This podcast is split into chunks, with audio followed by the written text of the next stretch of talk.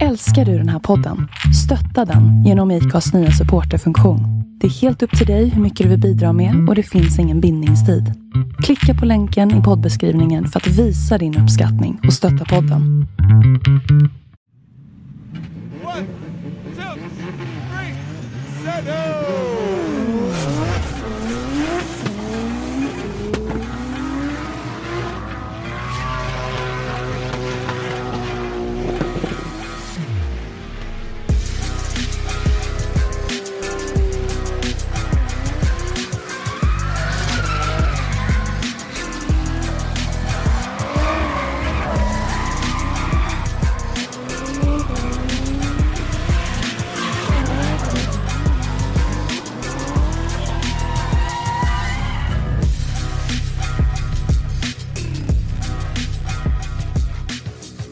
Hej och välkommen till ett nytt avsnitt av Driftpodden.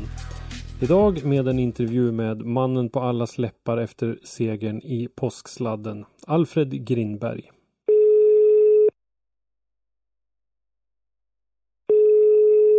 Välkommen till Driftpodden Alfred Grindberg. Tackar, tackar. Ja, mannen på alla släppar får man ju säga efter succén i påsksladden. Hur, hur har det sjunkit in eh, vad du, vad du har varit med om? Nej, det är fortfarande overkligt. Det är som en dröm. Mm. Ja, det är eh, härligt att se när alla bitar faller på plats och eh, det har ju varit en otroligt rask utveckling för dig. Eh, vi såg ju dig i premiären i RM för eh, två år sedan här ungefär och eh, har ju följt din snabba utveckling sedan dess. Så jag tänkte att mot slutet av det här avsnittet så ska vi prata lite grann om vad du har gjort under off-season i år och så där för att lyfta det så här mycket som du ändå har gjort mot för eh, slutet på förra säsongen. Då. Ja, absolut. Mm, men jag tänkte, vi brukar ju alltid vara lite intresserade av att höra vad, eh, vad man kommer ifrån och lite grann vad man, vem man är som person och sådär. Och vart, vart bor du någonstans och vad, vad jobbar du med och lite sådana där grejer. Eh, jag är 22 år gammal, kommer från Katrineholm. Jag är uppväxt och bor här fortfarande. Eh, till vardags så håller jag på och snickrar. Mm. Yes, eh, flickvän, barn, hus? Nej, jag bor själv i en lägenhet här så Mm. man har mycket tid över till bilen hela tiden. Ja. ja, men det är ju ganska bra det. Ja, Eh, hur har din resa fram till driftingen sett ut då? Har du hållit på med annan motorsport innan eller? ja det, eh, när jag var lite mindre så höll jag på att köra cross. Jag höll på att träna och tävla lite idag. Mm. Men eh, ja, det är väl som vanligt. Man har lite för mycket horn när man håller på och kör så man skadar sig ganska ofta. Sen vart det en lite mer rejälare smäll när man eh, hade, ja, bröt armen och hade sönder lite mer grejer och sånt. Och efter det så kände man väl att nu är det dags att hitta på något annat. Mm. Eh, så då var det lagom tid tills man skulle börja köra moppe, men då vart man ju mer intresserad av bilar istället. Så då vart det ju en EPA istället. Mm. Ja. Eh, Så då fick jag faktiskt bygga min egen EPA. Så det var därifrån jag började hålla på med bilar. Det var första gången jag någonsin jag svetsade eller höll i en vinkelslip och Mm. något av det där liksom. ja. Har du någon eh, nära i- in på det, någon förälder eller något som har hållit på förut som hade lite kunskaper? Ja, farsan har ju hållit på med dragracing i mestadels av sitt liv. Mm. Det har ju varit mycket motorer och sånt hela tiden under uppväxten. Jajamän. Mycket snabba bilar och sånt. Ja, så han är en av dem som säger att det här är ju ingen sport. Om man kan svänga då går det inte tillräckligt fort som de brukar säga, dragracingåkarna. Precis. Ja, ja men då Nej. finns det ju som sagt kunskaper och kanske lite, lite fysiska förutsättningar i verktyg och garage och sånt där också. ja, precis. Mm. Spännande, men eh, epan då, den, den hade du för att ta dig fram med och sen började du fundera på att- börja köra drifting. Precis. Det... Ja. Det är alltid coolt att hålla på med det där. det är så kul med bilar och alltihopa och sen eh, kom man bara in på drifting helt plötsligt. Jag kommer Mm. ihåg jag var, jag kommer inte riktigt ihåg hur gammal jag var, men jag var nere till Mantorp Park där på någon gatubil. Jag var mycket mindre över en lördag. Så såg man de coola killarna sladda i Parisen där. Mm. Då visste man väl redan då att det där måste jag få göra någon gång. Mm. Så sen eh, 2019 så har det där varit målet hela tiden. Mm. Eh, jag vill sätta dig i en Volvo från början, va? en 240. Jajamän. Kan det stämma det? Med lite sån där eh, R-sport eh, livery typ. Ja, det var nog Nord... Ja, jag vet inte ens själv vad det heter. Ja, någon sån där. Jag eh, tyckte det såg coolt ut. Mm. Eh, för det var liksom, tror jag, första, jag har ju haft ganska hyggligt god koll över, över eh, driftingen i Sverige sedan ja, 2017. Och eh, det Ja. var liksom första gången jag tänker på att ditt namn dök upp i något sammanhang som vi fick höra talas om. 2017? Nej, men eh, då när du körde den där Volvon. Eh, Jaha, ja. Och det var väl, eh, kan det ha varit någon sån här typ någon brejsladd på Mantorp eller någonting? Ja, det var sista gatubil 2020 tror jag det var.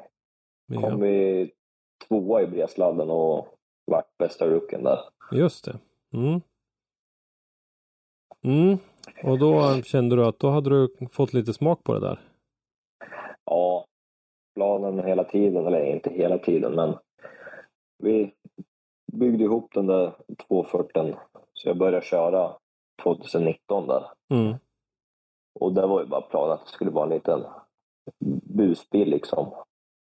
Man skulle kunna åka runt och leka överallt i princip med den där. Mm. Eh, Men sen där i början av 2020 när man har haft hela 2019 i ryggen, då känner man att ja, men det, här är, det här är någonting jag vill fortsätta med. Det här är, det här är grymt liksom. Mm. Så redan där då börjar man väl smida planer på att försöka börja tävla någon gång. Bara träna, träna, träna för att bli tillräckligt duktig för att våga hoppa in i en tävling överhuvudtaget. Mm. Mm. Så jag har varit ganska mål, målmedveten ända från början att jag vill hålla på och tävla. Mm. Eh, hur har det sett ut med stöttningen kring det då? Har pappa till exempel varit, varit med på tåget från början här? Jag har nog inte åkt iväg en enda gång utan att han har följt med när vi har varit iväg och kört. Mm. Så det, nej, han har ju, utan honom hade jag inte kunnat börja köra överhuvudtaget. Det är ju tack vare han, hans stöttning och hans kunskap som man har kommit dit man är idag liksom. Mm. Ja men 2020 där då Mantorp Park, det måste ju, för den, de racelandstävlingarna brukar ju ändå vara hård konkurrens i. Eh, det måste ju ha gett lite blodad tand då och få en framgång i, i en tävling på det viset. Ja, men det var ganska häftigt liksom. Man kände att eh, shit, man, man liksom man kom så långt i en tävling med en gammal Volvo, då kände man att ja, men okej, man kanske kan ratta lite bil i alla fall. Mm. Mm. Så eh, efter det då, då var det eh, ordentligt med fokus. Då var man ju bara, det var enda man kunde tänka på var hur tar jag mig vidare nu för att kunna börja köra en serie. Mm. Eh, och då dök du väl upp där i RM 2021 va? Jajamän. Mm. Och, men då hade du ju inte Volvon längre. eh, Kände du att, där att eh, Volvon inte var någonting att bygga vidare på om du skulle börja tävla lite mer seriöst? Planen först var att börja tävla med 240 Mm. för att det helt enkelt inte finns eh, finansiering för att bygga en liksom, top notch Mm. tävlingsbil liksom. Eh, men eh, sen kom det upp ett chassi på eh, Facebook där. Det var, jag tyckte det var väldigt bra pris på den. Mm. Och då kände jag lite så här att jag kommer aldrig ha råd att kunna bygga en, en bil, en egen sån här bil från grunden själv. Så då var det verkligen nu eller aldrig för att ha chansen att kunna ha en potent tävlingsbil. Mm. Så Ja. det var lite hetsigt där ett tag. Ja. Ja, det är väl, eh, minns jag fel, eller är det inte Emil Wikmans eh, gamla det där va? Precis. Just det, Stockholm Speed Industry bygger från början då. Ja, exakt. Ja, Nissan S14.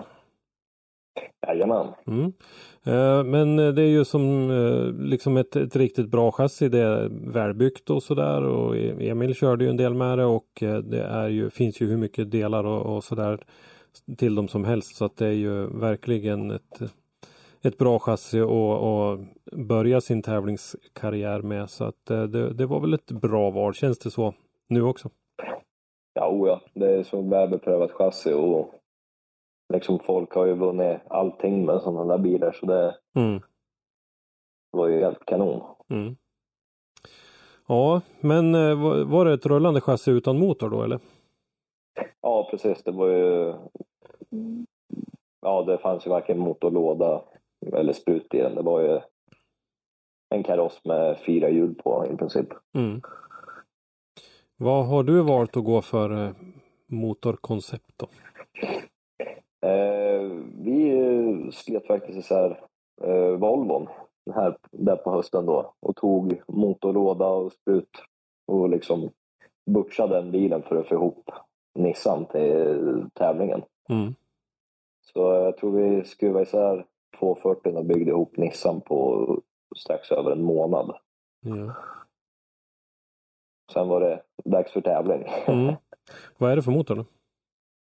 Eh, den LM7, en sån här eh, gjutjärnstruck V8. Ja.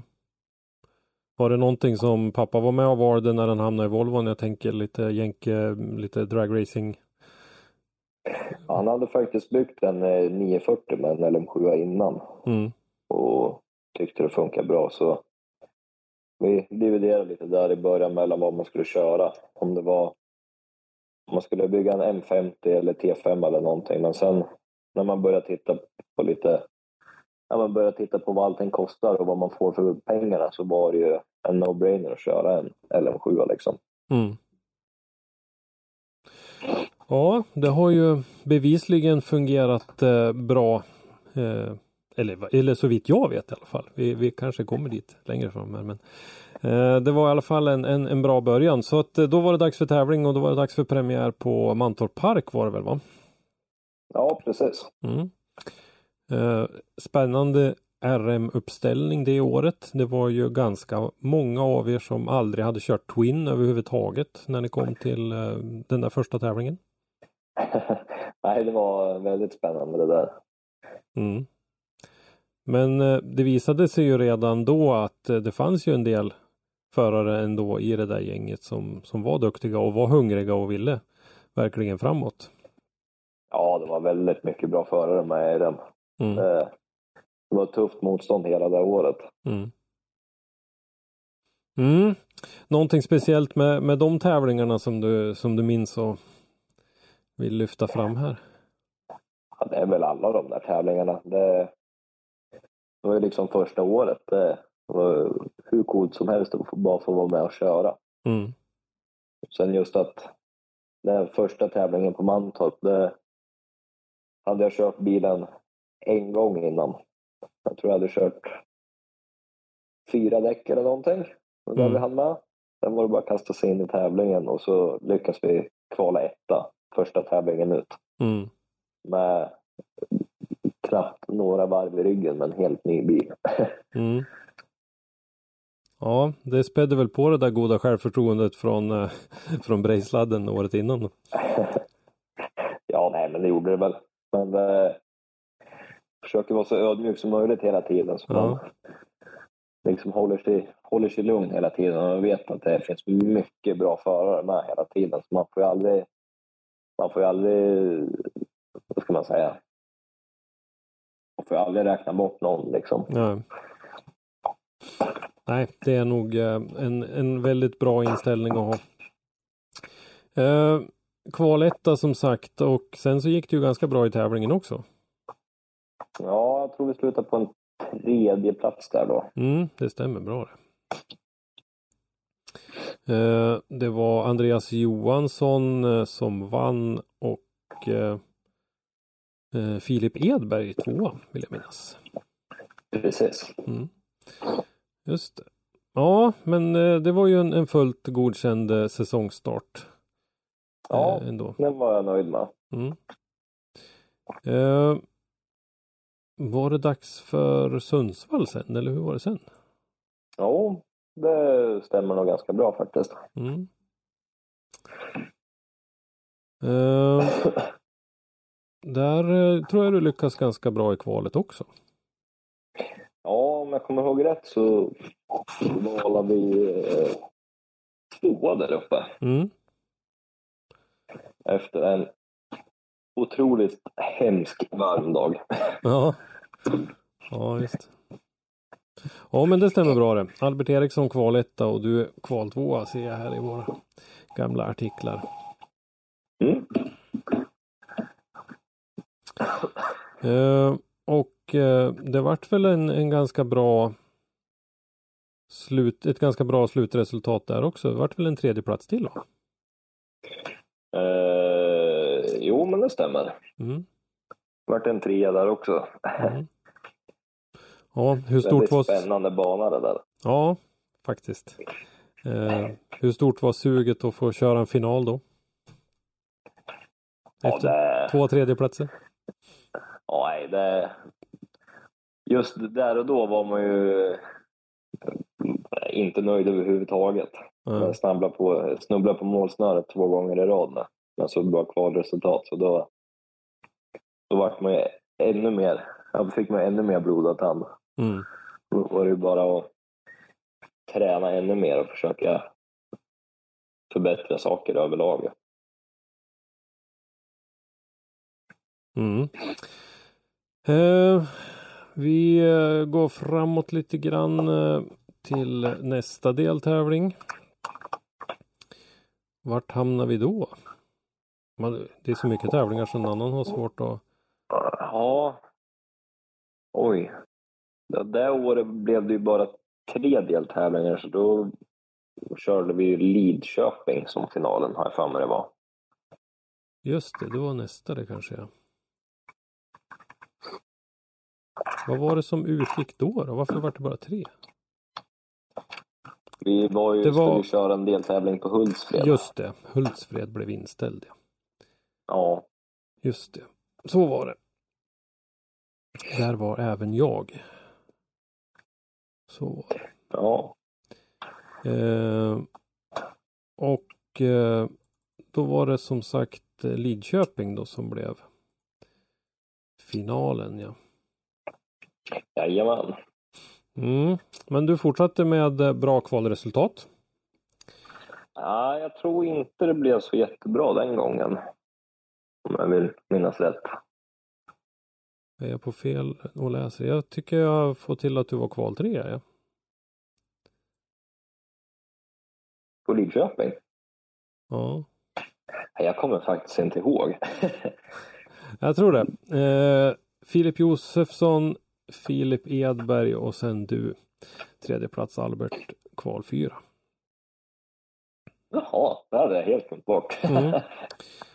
Eh, Jag tror det. Och sen så eh, blev det en totalt sett så blev det nionde plats i tävlingen. Ja, det var en väldigt speciell tävling. För vi hade varit och tränat i Hultsfred någon vecka innan det där. Och då toksmällde jag bilen. Så Mm. att vi var tvungna att slita isär hela bilen, skicka iväg den på riktning och Mm. sen skruva ihop hela bilen igen. Ja. Men det var ju mitt under semestern och alltihopa så den där riktningen, det, den blev inte helt hundra och det har vi Ja, fick vi fighta med ett tag innan det ens gick att svänga med bilen ordentligt. Mm. Ja. Så det strulet hade vi genom hela finalen i den där. Mm. Mm. En nionde plats som sagt, respass i topp 16 mot eh, Robert Åhäll. Jajamän. Mm.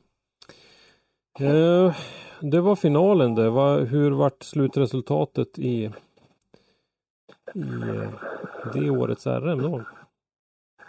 Vi vart en eh, serie tvåa i både RM och SM, eller RM och junior-SM heter det va? Mm, precis. Det året. Just. Ja, Filip Josefsson vann serien och du blev tvåa där. Du var bara sju poäng efter Filip Ja, på slutet. det Mm. blev ju inte, blev inte bättre med det där. Han hade så blodat all innan för att tävla. Nu vart man ju, var det enda man kunde tänka på hela tiden. Ja. Ja, du hade ju visat där då ändå att eh, du kunde hålla ihop det över en längre tid än bara en, en brejsladstävling så att säga och, och någon, något enstaka bra resultat för att det var ju eh, två bra och ett hyggligt resultat ändå får man väl säga under den där säsongen då. Ja, precis. Ja, hur gick funderingarna då, då mellan 21 och 22 där? Var det någonting du, skulle ni fortsätta och, och kika över bilen då efter den där smällen eller hur? Var det andra uppgraderingar på som stod för dörren då eller? Ja, där, när, när vi väl bestämde oss för att köra SM där, då, då var det verkligen all in. Då var det eh, fixa ordentliga grejer till bilen så att det inte skulle gå sönder när man kliver upp på så stora däck. Och Mm. liksom inte lämna någonting åt slumpen och se till så att bilen verkligen skulle funka till 110 procent när vi väl gick in i början på säsongen. Mm. byggde en ny maskin, eh, satte i en eh, Samsonas dogboxlåda, slog upp en eh, vinterstift bak. Liksom, ja, förberedde bra oss så grejer. mycket vi bara kunde. Ja, Mm. det helt underbara grejer att köra med. Mm. Eh, hur har det sett ut på samarbetsfronten för dig då? då med, eh, var det någon som fick upp ögonen för dig? Var det lite lättare att leta samarbetspartners efter den där succésäsongen ändå? Då? Får man väl säga, en rookie-säsong med, med de resultaten.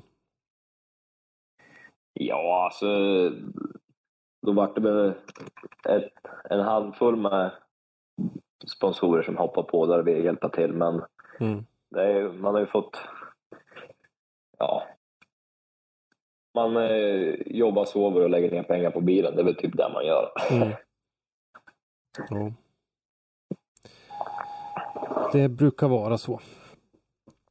Eh, men eh, som sagt, ni blev ju erbjudna då, ni som placerade er högt i RM 2021 att kliva upp till SM 2022. Eh, så den, den eh, biljetten tog ni och då var det ju premiär då, liksom det var nu, så var det ju premiär på påsksladden på Elmia. Ja, precis. Mm. En ganska skrämmande bana skulle jag kunna tänka mig att kliva upp och, byta Eh, byta klass. Komma upp i och köra med eh, vi, liksom vi pratar Micke Johansson, David Skogsby, Tony Averstedt, eh, bröderna Joensuu med flera, Christian Erlandsson, inte minst Jim Olofsson. Det är ju ett helt gäng där som ju har hållit på med det här ganska länge och på en, en ganska hög nivå. Hur kändes det att kliva in och klämma in sig mellan de här betongfundamenten där med, med bilen med dem? Ja, till en början där så gick man och försökte intala sig själv att man... Eller ja, man visste inte vad man, skulle, vad man gjorde där egentligen. Mm. liksom hade, man ju tittat på alla dem hur länge som helst när de är iväg och kör och sen kommer, kommer man själv där och har en säsong i ryggen. Mm. Så kan man tävla mot dem. Det var ju overkligt liksom. Mm. Men sen då när du hade funderat klart på vad det var du gjorde där, då satte du upp långfingret i luften och så drog du på och blev kvalfemma med 85 poäng.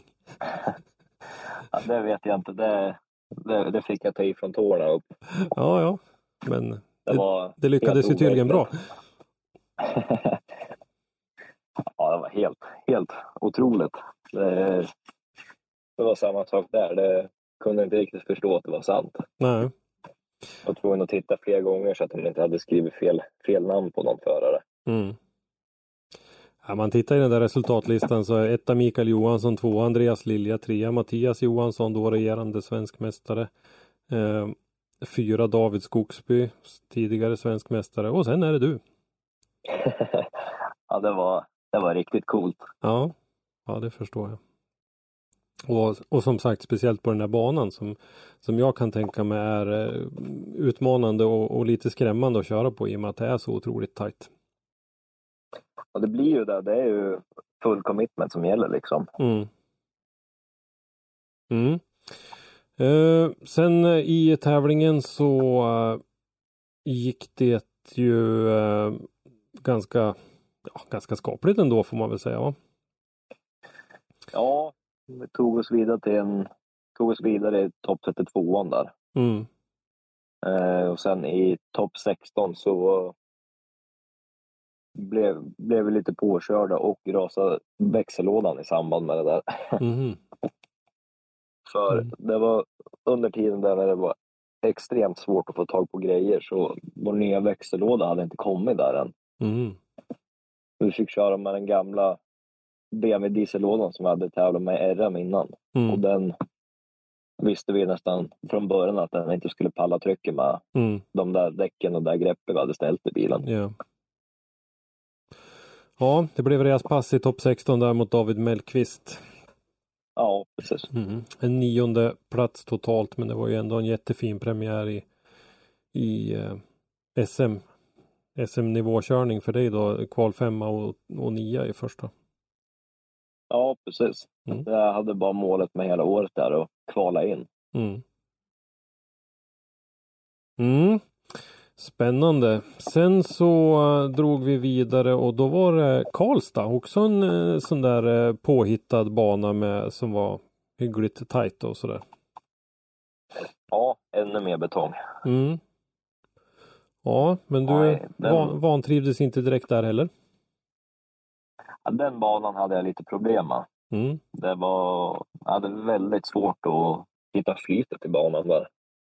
Mm. Fick kämpa hela dagen med det där och det, jag tyckte aldrig riktigt klickade för mig i den där banan faktiskt. Nej. Nej, jag, jag hör ju vad du säger men, men eh, resultatlistan säger ju någonting annat för du var ju ändå kval trea där. Ja, det där, det var, jag tror det var på andra kvalrepan där och då kände jag efter första där att nej, det, jag har ingenting att förlora nu. Nu är det allt eller inget. Då Mm. gick man ut med hornen högt upp och var bara att fälla ner och köra. Mm. Ja det stämmer. 78 i första och eh, 87 poäng i andra hade du. Ja. Och eh, kval trea på det då. Och eh, sen så eh, fick du möta Albert Eriksson i eh, topp 32an. Jajamän, Mm. gamla RM-kompisen. Jajamän, och eh, gick eh, vidare där och eh, sedan så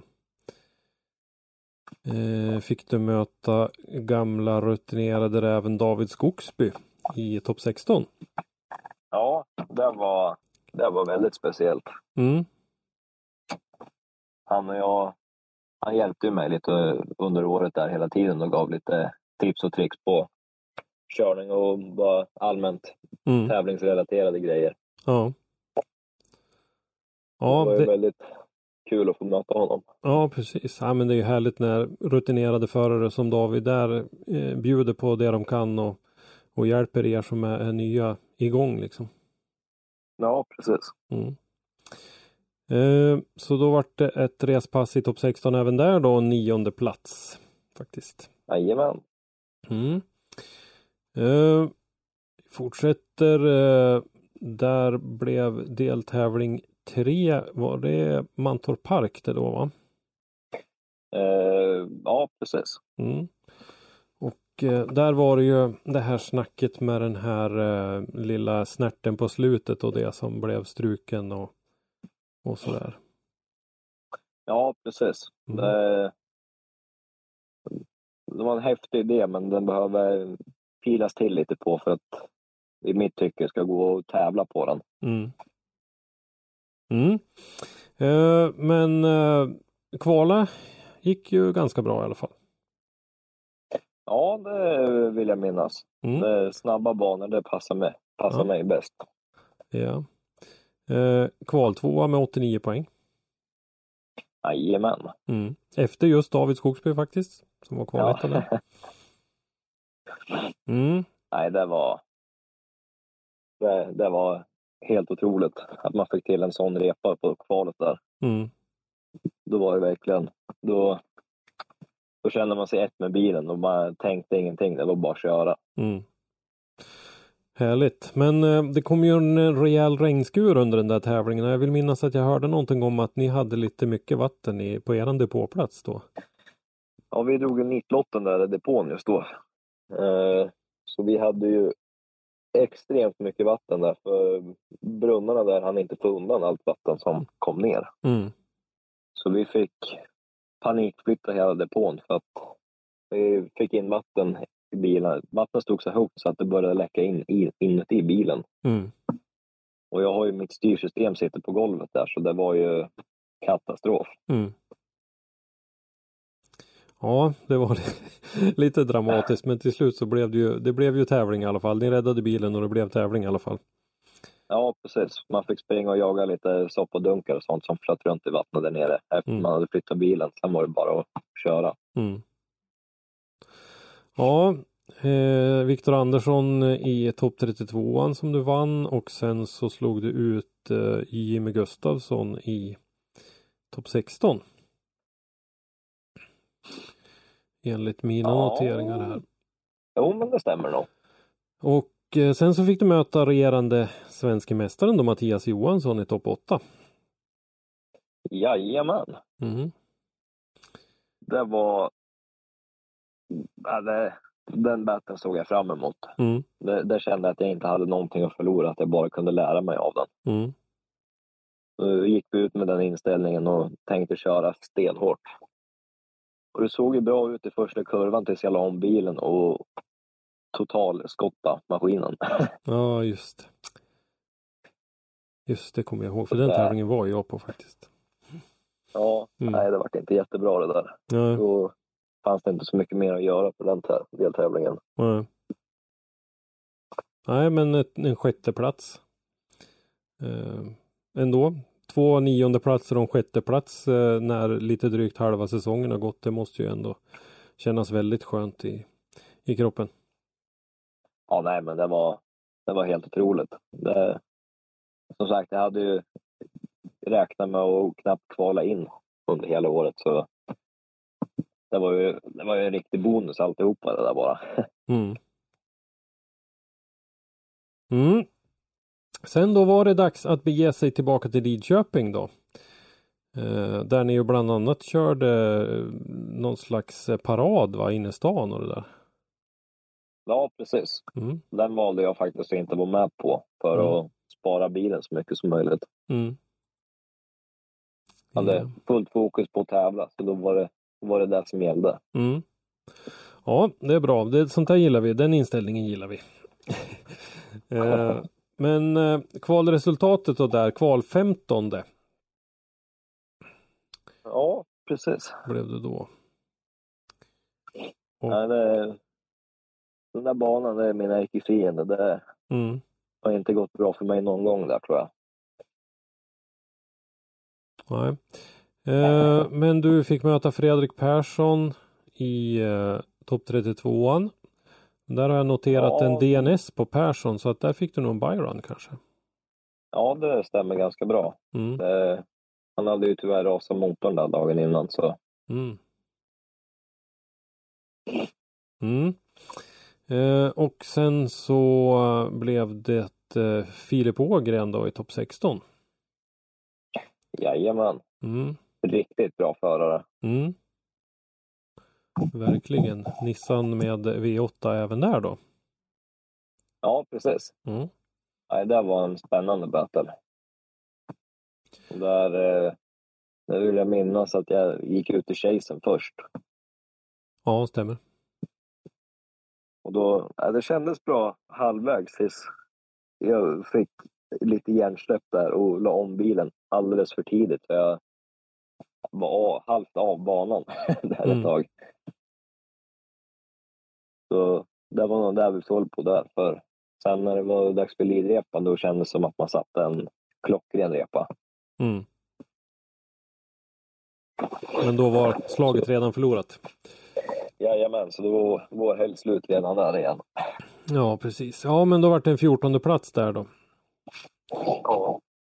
Eh, fortfarande tycker jag borde kännas eh, ganska bra inför, inför finalen då med de fyra resultaten.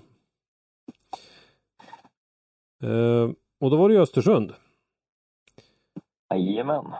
Ytterligare en sån här eh, liten eh, tight konstgjord bana på eh, den här eh, Swedish eh, Biathlon Stadion eller vad det står på väggen där. De brukar ju ändra det där till Swedish Drifting Stadium när det var gymkhana drift förr i tiden. Ja, precis. Mm. Nej, det är en riktigt, riktigt grym anläggning det där. Mm. Är det faktiskt. Eh, vad jag kan se där då så gjorde du ju ett eh, ganska hyggligt kval i alla fall. En eh, fjärde placering i kvalet. Ja, det kanske var så bra. Ja, Jag kommer inte riktigt ihåg. Jag har svårt att hålla reda på det där. ja. ja men eh, så var det. Det är, eh, vi har, vi för ju lite sån där statistik eh, själva vi på Motorsportmagasinet så att vi har, har lite grann att titta tillbaka i. Så att det, så var det. Och då fick du en byrun i topp 32an. Ja, precis. Mm. Det, det, det är väl inte riktigt så man vill Nej, komma vidare en stege. Men eh, det blev tyvärr så den där gången. Mm. Eh, sen i topp 16 då, då var det fight mot eh, David Skogsby igen. Jajamän. Mm. Och eh, där visade väl han att gammal är äldst. Ja. Nej, men där, efter hela det året man har lärt sig så mycket så tyckte jag vi gav honom en ordentligt bra battle där. Mm. Det, allting kändes bra alltihopa, men det gick inte hela vägen. Nej. Nej, så då tog säsongen slut där då. Det blev en elfte plats. Eh, på, I den tävlingen då. Och David gick ju sen vidare. Han tog ju eh, ikapp så pass mycket så att han passerade Mattias Johansson och blev eh, tvåa totalt i, i serien då. Ja, precis. Mm. Eh, och för din del så blev det en åttonde plats i SM med 339 poäng. Ja, det var jag ganska nöjd med faktiskt. Ja, det tror jag det. eh, absolut. Eh, och, och jämna och stabila resultat hela säsongen. Ja, precis. Mm. Nej, men vi, det är det som är målet hela tiden när vi kör och försöker vara så jämna som möjligt hela tiden. Mm. Och liksom, ja, hålla huvudet kallt hela tiden när vi kör och bara tänka på att prestera så bra som möjligt. Mm.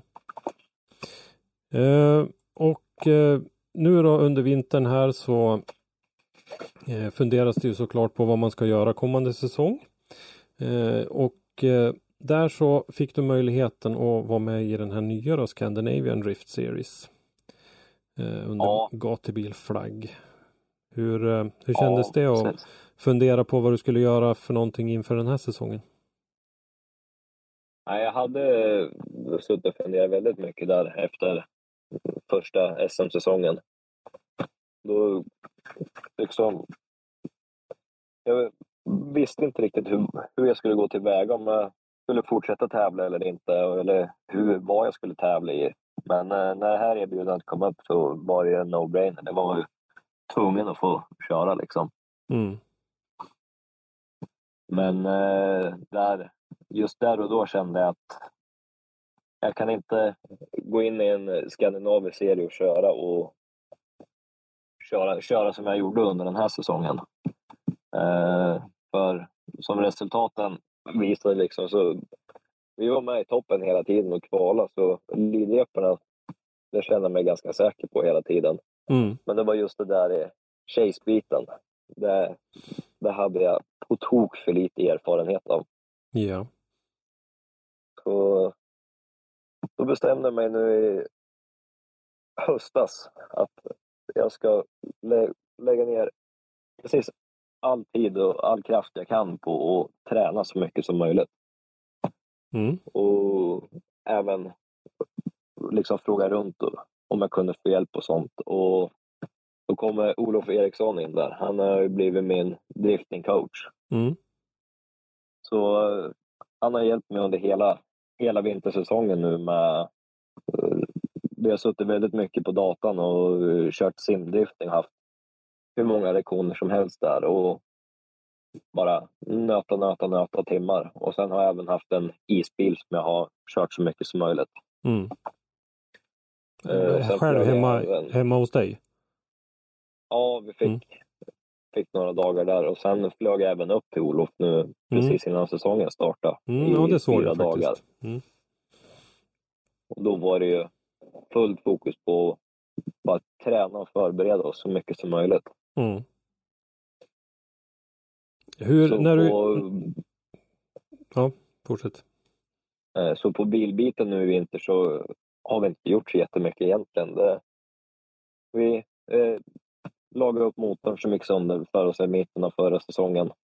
Och sen eh, har vi bytt fjädring på den för att få lite mer fart i bilen. Sen har vi bara låtit allting vara som det är liksom för att vi kunna fokusera på att få köra så mycket som möjligt helt enkelt. Mm. Mm.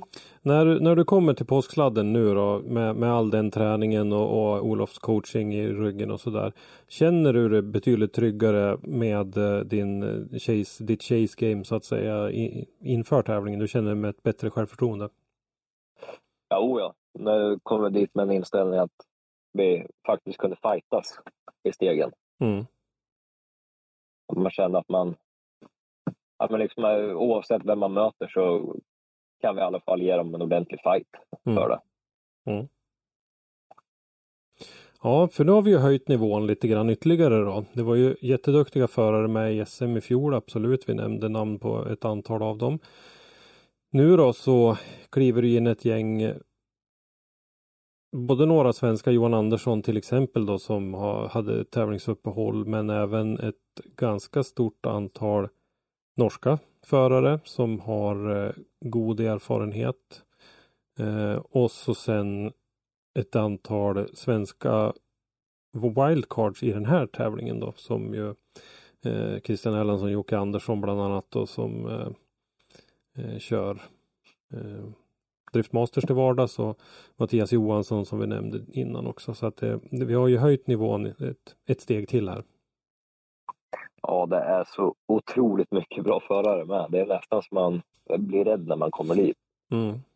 Och man ser hur folk kör på träningar alltihopa. Det är, det är så himla kul att vara del av, det, av Mm. en sån tävling. Yeah. Eh, banan då kontra förra året, hur, hur känner du? Var det någon skillnad där eller? Ja, men det var en lite, det vart ju en liten ändring där på initieringen och det, det var det sista lilla som behövdes för den där banan tyckte jag. Mm. Det öppnade upp eh, mycket mer möjligheter i chase och även liksom steppa upp svårighetsgraden lite på banan också. Mm. Det Mm. var, nej, det var kanon. Jag tittade ju lite grann och såg ju eh, ett antal av dina initieringar och de såg ju ruggigt konsekventa ut tyckte jag så att det såg ut som du kände det riktigt bekväm då när vi hade kommit fram i, i stegen. Ja, där mot slutet av stegen så började det bli lite bekväm med bilen. Men eh, under hela fredagen, med både träning och kval, så hade vi extremt mycket problem med styrningen på bilen. Mm. Det var, nej, det, det ville inte funka överhuvudtaget. Och sen hade vi problem med att ibland när, när jag skulle lägga om bilen så drog bara motorn från ingenstans. Och det var, nej, det var inte många varv jag fick där på fredagen utan att det var något strul på gång. Mm. Och Ja, vi lyckades med nöd och näppe ta oss vidare i kvalet, känns det som. ja 23 plats, eh, 76 poäng och det var ju ett extremt tajt kval. Det var ju topp 12 var inom 9 poäng och topp 22 var inom 13 poäng och för att, det var inom 20 poäng hela topp 32an. Så att det var ju, det var ju ganska tajt. Ja, det märks verkligen att man verkligen måste prestera hela tiden nu för att ha en chans att vara med och fightas. Mm. Ja, kul, men eh, det lyckades du ju absolut göra. Eh, så i första, i topp 32 då, fick du möta tionde kvalade Örjan Gröning. Jajamän. Norsk förare som Det jag var- aldrig hört talas om innan. Nej, jag har lite dålig koll på eh, norskarna överlag faktiskt. Mm. Men eh, han såg stark ut på träningen som min spotter så in i den battern så gick vi bara in 100% från början. Och det, ja, det, det är helt otroligt. Det är så mycket bra förare med så det är liksom finalbattles ända från början. Mm. Nej, Eh. så det, Ja, jag, jag pratade med en eh, person som hade varit där och tittat live och han sa att topp 32 brukar ju ofta kunna vara så här att det, det ska mycket till om, om inte den som är högre kvalad går vidare. Eh, det brukar oftast kunna vara så men i det här sa han så var det fight i varenda battle och eh, det var inte så givet som det brukar kunna vara och bland annat du då som 23 kvalade slog ju ut tionde kvalade Örjan där. ja, det var det där var nog en av de mest spännande battlesen jag någonsin kört. Mm. För i och med både sämre kvalpoäng så fick vi gå ut i chasen först Mm. och köra. Och efter vi hade kört halva varvet och lägger om bilen in i tredje zon efter det snabba partiet så tvärdör min bil igen. Det, Mm. liksom, det, det finns ingenting, det, motorn dog. Så mid-drift fick jag rullstarta igång bilen igen och sen var snabb, snabb satan på kopplingen och sparka igång bilen igen för att inte bli nollad för att kunna fortsätta jaga vidare. Ja. Okej, ja det där såg jag faktiskt inte men jag hörde att eh, kommentatorerna pratade om det där. Ja, nej, tittar man på eh, sändningen där så ser man att jag nästan är på väg att rakköra uppe vid tredje zon där. Mm. Och det är just då när jag rullstartar igång bilen. Mm.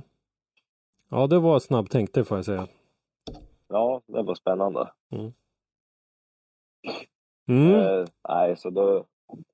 Redan där trodde jag att det var kört i och med att det blev en så stor korrigering i chasen där. Mm. Så när vi kom tillbaka och bytte platser igen när jag skulle köra lead, då var det verkligen, då hade jag verkligen ingenting att förlora.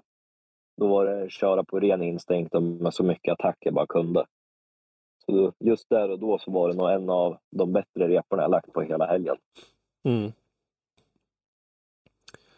Ja, och det gick ju tydligen bra då. Eh, du gick vidare från den. Jajamän. Och eh, då står det ju en inte helt okänd norrman på andra sidan när det är dags att köra topp 16 då, Odd Helge Helstad. Ja, han har några år bakom ratten. Ja, och eh, en hel del framgångar också i Gatubil Drift Series. Han har varit iväg och representerat Norge i eh, motors eh, Fia Motorsport Games någon gång och sådär. Så det sitter ju gott om rutin bakom ratten där. Ja, precis. Ja, men det märktes på hans körning, för han var... Det var svårt att hitta fel när man följde honom där. Mm. Mm. Nej, så där, där, när vi gick in i den batten då visste vi det att han, eh, han kommer köra 100 procent. Det finns ingenting att tveka på där. Så det var bara att hoppa in så tajt man bara kunde från början och försöka ligga kvar där hela tiden. Mm. Eh, ja, Och det blev ju ganska jämnt va? Ja, vi, jag gjorde bort mig lite i början i min chase och kom lite för långt in på banan i första zonen. Men där, sen lyckades jag hämta hem det ganska bra i resterande av repan. Mm. Och sen när vi bytte, till, bytte platser igen och jag fick köra min leadrepa, då var det då var jag precis i samma situation igen. Att jag visste att jag hade ett stort misstag i ryggen i chasen där och då var det bara att fälla och åka bil liksom. Mm. Ja, Så där tog vi till en eh, one more time. just det. Mm. Ja, och då vill man ju, det är ju bra för man vill ju köra så mycket som möjligt. Ja, precis. Ja, Nej, Jag var, när vi stod där på och väntade på beslutet så då trodde jag att våran helg var slut, att mitt misstag var för stort. mm. Men eh, det vart en one more time så då, då fick, jag, fick jag ett extra liv. ja precis. Ja, och den repan då, hur, hur var den? Ja, nej, det var... Det var liksom... Efter de här två bötesarna så tänkte man bara att det, det, går inte att hålla igen på någonting när man kör mot de, de här förarna. Det, mm. det kommer vara så här hela tiden. Så det, vi går bara ut 100 procent och kör så hårt vi kan oavsett vad som händer. Det är bara fullt ö som gäller nu. Mm. Mm. Så, ja. Ingenting speciellt eh, mera där utan du, du lyckas ta hem One More Time i alla fall och gick vidare. Ja, det var, nej, det var helt otroligt. Mm. Att möta en så bra förare och vi lyckas ta hem segern där, det var, det var helt otroligt. Eh, sen då så var det dags för en eh, inte helt eh, okänd svensk kille som du nämnde nyss här då, Filip Ågren i topp 8. Ja, precis. Mm. Eh, han eh, hade ju varit med om en riktigt tråkig smäll på banan innan så hatten av till honom att de ens fick ut bilen på banan i tid igen för Batten. Mm. Precis, det var ju en lite omdiskuterad situation där han och Tor-Arne Kvia stötte ihop. Och ja, eh. Filip gick eh, vinkelrätt rakt in i muren. Ja, ingen rolig smäll. Nej, verkligen inte. Men eh, som sagt så lyckades de komma tillbaka och komma ut igen då till battle mot dig. Ja, precis. Nej, det... Nej. Hans bil funkar inte riktigt som den skulle så han snurrade tyvärr i båda sina repor där. Mm. Vi, vi gick vidare därifrån. Ja, tråkigt att det skulle inte gå att köra riktigt eh, om det då, men eh, du, du var ju i, i, i god form så att säga, så det är väl inte osannolikt att det hade slutat så här ändå. Nej, vi var beredda på att fightas om det i alla fall. Mm. Eh, honorna var högt upp hela Mm. helgen där. Mm, ja, jag förstår. Eh, Topp fyra då, då fick du ställa dig mot eh, ett av eh, tävlingens wildcards i norsk, regerande norske mästaren Sondre Erga. Ja, det var riktigt spännande. Mm, Det var ju samma sak där. På grund av vår sämre kvalpoäng så fick vi gå ut i chasen först. mm, Och han är en extremt duktig förare för han har både en snabb bil och han kör väldigt snabbt också. Så det var... Där fick man verkligen hålla, hålla i ratten när man åkte. För det, då gick det undan alltså. mm, Men eh, precis innan eh, sista zonen så dörtdroppar han ett hjul. Och jag ligger på så pass nära så när han dörtdroppar och får ett litet kast tillbaka så flyger hans bil, hans vänster bakhjul in i mitt högra framhjul och slår sönder hela min fälg, slår av hela dämparen och kröker lite grejer där framme. mm. Så det var ju katastrof där ett tag. Ja, det var väl eh, många med mig som inte trodde att vi skulle få se någonting mer av dig eh, den där kvällen Nej. faktiskt. Nej, det såg eh, väldigt mörkt ut där ett tag. Mm, Men sen när jag hörde att bedömarna bedömde att det var hans fel och vi fick tio minuter på oss att fixa bilen, då var det bara fullt ös. mm, Då försökte jag se alltihopa som var trasigt på bilen och så ringde jag till min mekaniker Henke och berättade vad det är som har hänt, vad som behöver göras, vad det är för nya grejer vi behöver så att de kunde förbereda allting i depån mm, tills vi kommer in. Eh, och sen när vi kommer in på skärmsplattan där så vet jag inte hur mycket folk det står där inne. Alla är helt redo för att bara riva isär och slänga ihop bilen igen. mm. Så det, jag tror de lyckades få ihop bilen på strax under sex minuter. Mm. Så var vi ute och körde igen. Ja, jag tänkte säga det. Det tog ju långt ifrån 10 minuter för det var ju nästan som ni hade klarat en fem minuter på det där faktiskt. Eh, Så att det, Ja. för det, du var snabbt tillbaka, förvånansvärt snabbt tillbaka. Och nej, det... Vilken... Nej, eh, jag är så tacksam för alla som hjälpte till och hela teamet alltihopa att vi fick Mm. ut den där bilen igen. Mm. Ja, så då var det ditt eh, lidåk då mot eh, Sondre? Precis. Men i och med att vi var så högt upp i stegen och hans bil gick sönder av den smällen också Just så det, då fick inte han inte ta en någon fem femma. minutare. Just Så då det. blev det ju lite, lite som en byron för oss i topp fyra där. Mm. Ja, Men eh, det var tur att vi fick det, för bilen var inte helt hundra. nej. Det var, nej, det var lite krokiga grejer kvar där framme ändå. Mm. Som vi inte hade möjlighet att fixa till på den tidsramen vi hade. Mm. Ja, Så, men hur känner man då när man står där och, och det är klart att man har gått till final liksom? Är det... nej, jag, det var ingenting jag tänkte på då. Det, jag skulle åka ut och köra min bilrepa och då var jag bara ute efter att få så mycket information som möjligt om hur, hur det låg till med styrningen på bilen och hur den kändes. Mm. Så att jag kunde förbereda mig, förbereda mig för olika situationer som kommer kunna uppstå när vi går in i vår finalbattle. Mm. Så det, nej, det var, det var nog inte där förrän man kom upp och skulle värma inför finalbattle man förstod vart man var någonstans. Det Mm. hade varit en så extremt hetsig kväll. Ja. Eh, och i finalen då så fick du möta Kristoffer Syvertsen, ytterligare en norrman. Det var ju tre norrmän och du som var i topp fyra. Ja, precis. Eh, Så Sondre Erga mötte Olav Haugen Hasdal i, eh, i battlen om tredje som Sondre vann då, för då hade han hunnit fått ordning på sin bil. Och så sen så möttes eh, du och Kristoffer i finalen. Jajamän. Ta, igen- ta oss igenom de åken också. Ja, det, det, det var verkligen att...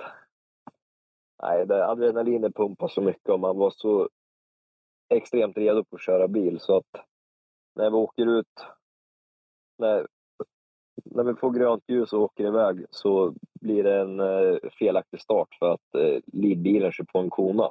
Mm. Men eh, leadbilen initierar och jag hänger på efter och lägger mig bokstavligen på dörren. För jag duttar till honom i initieringen på dörren och ligger kvar där. Så jag ser ju inte omstartningsljuset och han släpper av helt från ingenstans, tycker jag. Mm. Och trodde, bara, vad händer nu? Körde han sönder eller någonting? Eller liksom, vad är det som händer? Så då fick jag ytterligare en smäll på mitt andra framhjul. Ja. Eh, men det var ingenting jag tänkte på då. Så då åkte vi bara in, vände och linade upp igen. Jag var tvungen att fråga starten, Linus, där, bara, vad, är det, vad är det som händer? Är det, vad, vad, är det omstart eller? Han bara, ja. Jag bara, okej. Okay. Vart lite, tappade lite fokus där av någon anledning, jag vet inte varför. Så var det bara att försöka dra sig samman igen och bara fokusera på vad, vad vi är där för att göra. Mm.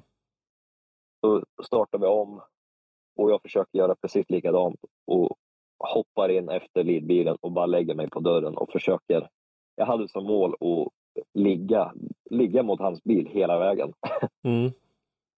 Och det var verkligen, nej det, det var helt sjukt. Det var ren instinkt jag körde på den där sista repan. Det var, det var så aggressiv körning från båda, båda två det var bara, nej det var helt magiskt.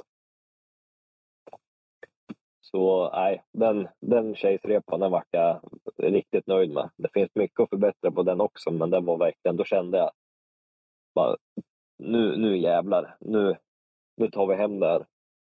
Mm. Så när jag gick ut i min lidrepa, då var det, då var det liksom att men nu, nu ska vi lägga till den bästa repan som har körts på hela helgen. Och så var det bara att åka. Ja. Och det gick så fort. Och det, nej, det är helt, helt galet. Jag får gåshud när jag tänker, tänker tillbaka på det nu. Mm. Ja, det är inte jättemånga dagar efter det här. Vi spelar in det här på annandag påsk så att det är ju bara ett par dagar efter. Eh, så att jag förstår att det, det sitter fortfarande kvar i, i minnet. Eh, och en härlig känsla förstår jag att få kliva högst upp på pallen och inför den här publiken och allting. Ja, det har inte riktigt landat än. Mm. Det känns fortfarande overkligt.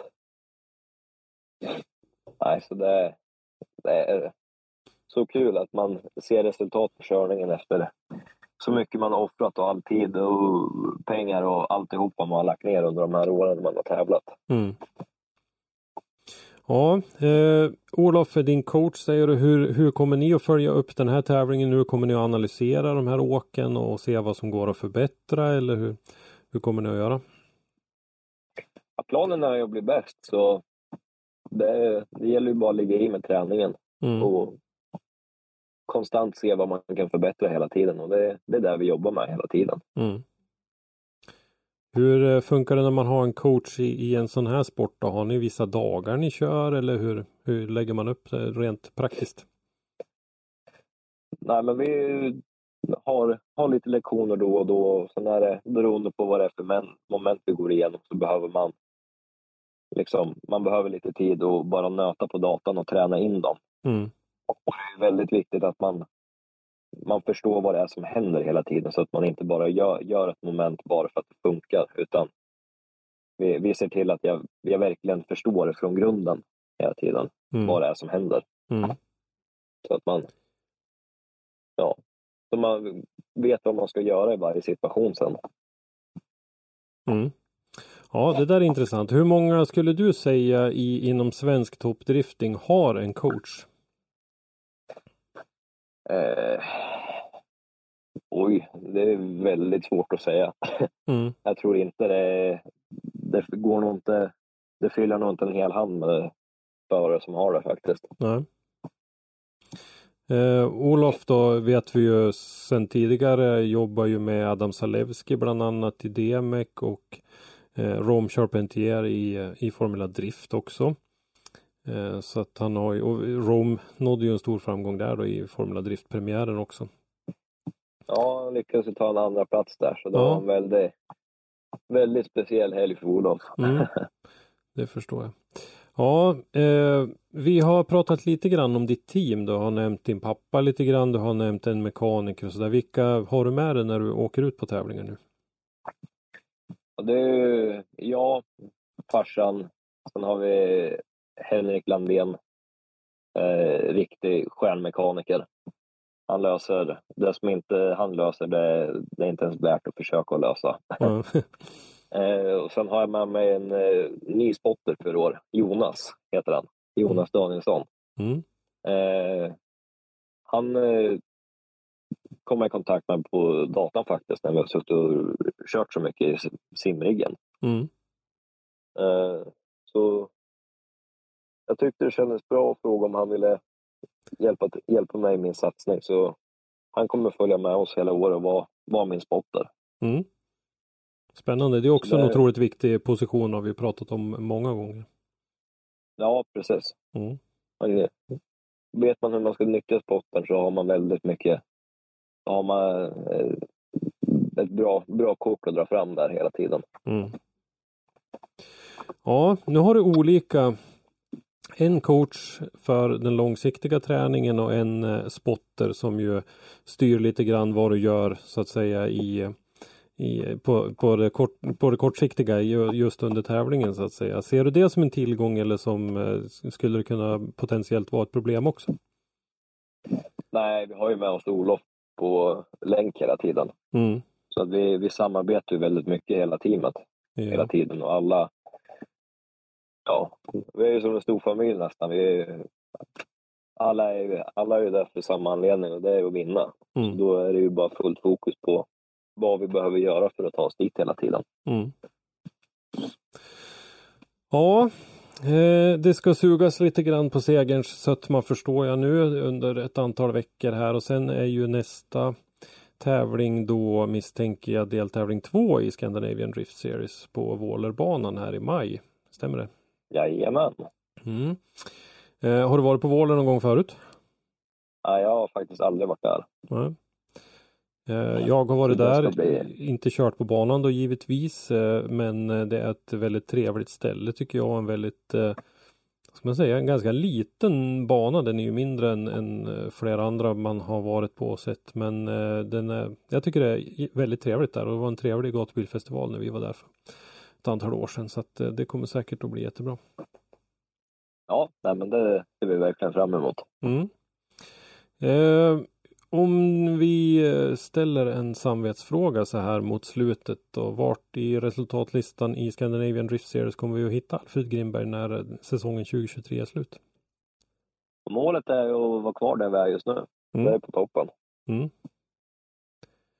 Och eh, med den här seriösa satsningen som du gör så ser jag faktiskt eh, verkligen ingen omöjlighet till att, att det skulle kunna bli så.